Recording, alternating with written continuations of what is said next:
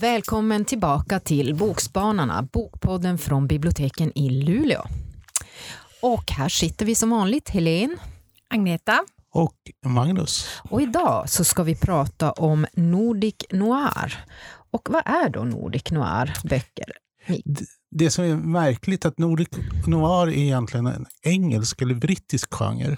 Och det eh, har tagits fram då för att beskriva eh, nordiska polisromaner. Alltså det är böcker med ett kollektiv, det är ganska dyster stämning, eh, naturen eh, spelar in. Det är antingen liksom för regnigt, eller så är det för soligt, eller så är det för varmt eller för kallt. Eh, det är kommissarier som är störda på något sätt. Antingen är de deprimerade eller så har de något tvångssyndrom. Och naturligtvis från ett svenskt perspektiv så tycker man ju att jaha, det är en deckarförfattare. Och anledningen att man tog fram det här i Storbritannien det är att eh, nordiska deckarförfattare håller extremt hög kvalitet. Dels liksom för att de har ett samhällsengagemang, men också därför att i engelskspråkiga länder så finns det mycket mer genrer. Och då blir alltså deckarna en genre bland andra. Mm. Medan liksom i de nordiska länderna så är deckarna the genre. Alltså det finns egentligen inte nordisk feelgood på samma sätt som det finns nordiska deckare. Skulle jag säga.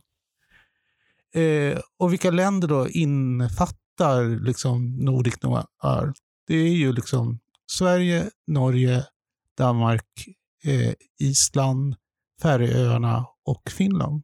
Men egentligen så finns det ingen grönländsk eh, deckarförfattare, vilket jag skulle vilja läsa. Nej. Det finns en färöisk, men jag har inte lyckats hitta honom. Men det finns deckare som utspelar sig bland annat på Svalbard, vet jag, men mm. då är ju inte författaren därifrån. Nej, just det, var de där Monica, ja, precis, Kolbarnet. Mm, de var bra. Mm. mm. Och sen naturligtvis så är det ju liksom kommersiell förpackning också. Ja. I och med att det är väldigt svårt, för, i varje fall för svenska författare, att bli översatta till engelska. Och här har man liksom ett paket som man kan sätta in det i. Och eh, Det är ganska intressant när man ser listan. Nu, nu kan inte jag det här, så jag har läst Wikipedia äntligt, vilket jag föreslår att ni också gör. För där finns det alltså en lång lista över alla de här kommissarierna som finns i olika nordiska storstäder och småstäder. Mm. Och de är ganska många. Ja. Och grunden kan man säga, som ofta refereras till, det är Sjöwall och Wade och liksom deras eh, polisromaner från 70-talet. Ja. Där liksom eh, ett språk fritt från metaforer blandas liksom med eh, en radikal samhällssyn. Mm. mm.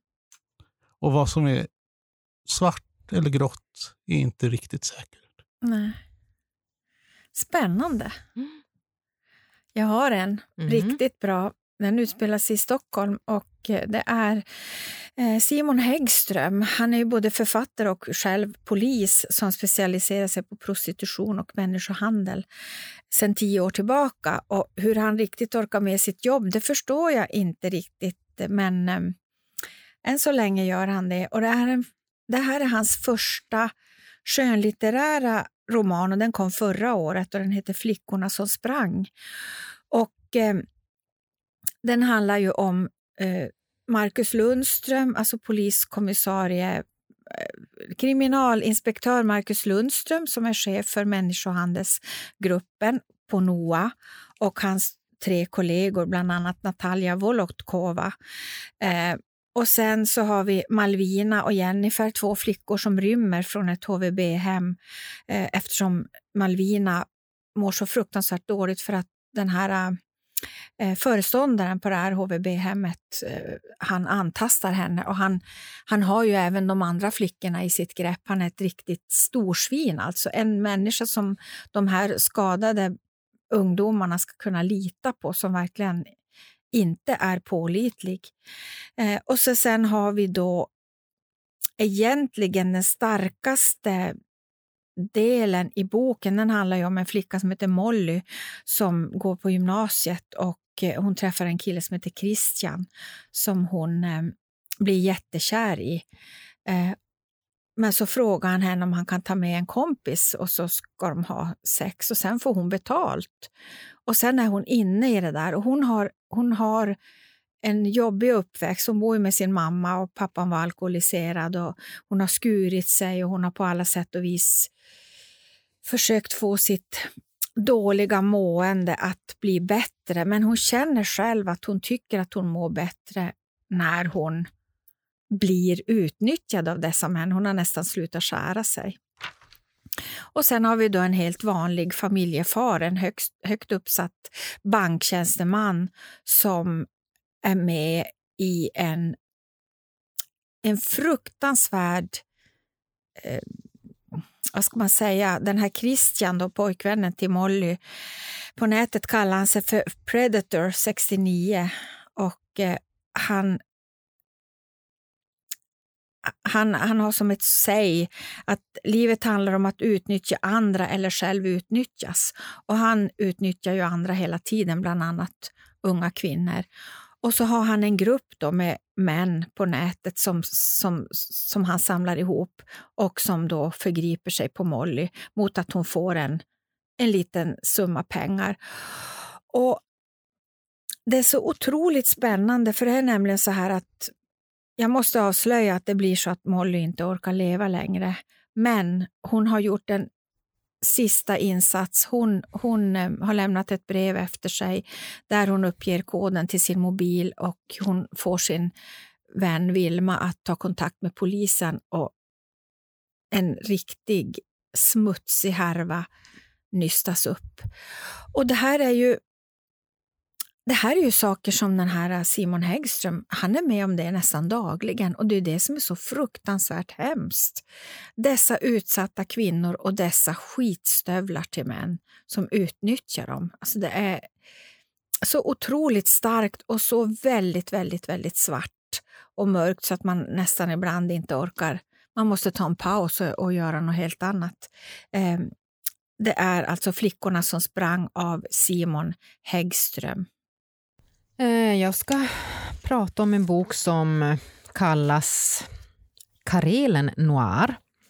Det är tre böcker av Mikko Porvali. Och Mikko Porvali han har skrivit militärhistoriska böcker förut. Och det här är första boken i en planerad trilogi där två böcker har kommit på svenska och den tredje släpps på finska, jag tror det var i maj, så att jag vet inte när den kommer på svenska. Första boken En blå död och andra heter Blod döljer inget. Men om vi då börjar med den första så eh, En blå död så utspelar den sig i finska Viborg kring 1920. Och det är ett fattigt och svårt sargat Finland eh, som nu är självständigt. Och finska inbördeskriget och ryska revolutionen har knappt upphört och det, staden vimlar av eh, emigranter och kommunister och eh, förtappade kvinnor och föräldralösa barn som lever på gatan och försörjer sig med småbrott. Men framför allt så spröd, flödar ju spriten. Och hit kommer då Jussi Kähönen som är nyutexaminerad poliskommissarie och han och Salomon Eckert, en annan polis, de får till uppgift att eh, utreda spritsmugglingen, ta fast spritsmugglare och försöka få stopp på den här spriten som flödar in. Och de använder sig bland annat av gatubarnen för att ta fast de här spritsmugglarna. Och den här boken tycker jag är, alltså det är inte bara en deckare eller thriller. Jag tycker det är lika mycket en äventyrsroman eller en våldsam skröna, för att eh, de här poliserna är väl de tassar väl inte helt på rätt väg hela tiden. De gör en del avstickare som ja. kanske inte poliser ska göra. Men den är spännande och den är ah, lite smårolig ibland också, måste man väl säga. Så att jag ser fram emot den tredje delen. Och som sagt, gillar man äventyrsromaner och lite burdusare poliser och framförallt lite annorlunda miljöer, då, då tycker jag man ska läsa den här. Det var, en, det var roligt att läsa någonting annorlunda som stod på deckarhyllan. Hur hittade du den? Jag vet inte hur jag hittade den. Jag, jag tror att det, den har en ganska läcker framsida. Ja. Den ser Mm. verkligen noir ut, framsidan. Mm. En man som står med klä, tidstypiska kläder och en tjusig hatt och lite sådär murrig framsida. Så att det är också Mm. sådär när man tar någon, och jag hade inte hört talas om den innan faktiskt. Jo, det hade jag visst. Nu sitter jag och ljuger. Jag hade en kollega som, kom, som pratade om det här när hon visade mig den och sa att den här är... Och den, sen glömde jag bort det för det tog ett tag, men då såg jag den här framsidan och tänkte hmm, Ja. där kanske. Och då blir man så glad när det är något som är riktigt bra. Ja. Magnus då, vad har du för noir? Ja, jag har faktiskt en amerikansk författare. Och eh, nu tittar Helen och Agneta på mig och så himlar de lite med ögonbrynen och tänker nu drar han iväg igen. Men det har de inget för, för han bor i Norge. Aha. Och även om den är, eh, boken är skriven på engelska, när den gavs ut första gången så var den översatt till norska. Så det är någon sån här emigrerad eh, noir. Och den handlar då om Sheldon som är 82 år och har flyttat till Norge därför att hans barnbarn har gift sig med en norsk man. Och Sheldon då har varit marinsoldat. Och han börjar få såna här konstiga flashbacks. Alltså, han hör liksom saker som han associerar liksom till krigssituationer. Hans barnbarn tror då att eh, han är på väg att bli senil. Mm. Men det visar sig att den eh, kvinnan som bor i eh, läge, lägenheten bredvid honom har ko- kontakter med balkanska maffian. Så ha, och hon blir mördad. Okej. Och Sheldon tar sig in i lägenheten och räddar hennes 16, eller sexåriga barn. Som då är klädd som en viking. Mhm. Och Sheldon och barnet ger sig iväg in i liksom den norska vildmarken. Där de då blir förföljda. Dels av den balkanska maffian men även av den norska polisen som försöker rädda dem. Och Det som är så fantastiskt med den här boken det är att det är verkligen den här tolkningen av den norska kulturen av en man som inte pratar norska. Som liksom trevar sig fram. Han har det här barnet då, som han inte heller kan kommunicera med som dessutom är klädd som en viking, som han utnyttjar liksom på flera olika sätt för att liksom få tag i mat. Och jag ska inte avslöja hur eh, det slutar, men det finns en uppföljare till den. Men den har jag inte läst. Men alltså, är han klädd som en viking hela tiden? Han är klädd som en viking hela tiden.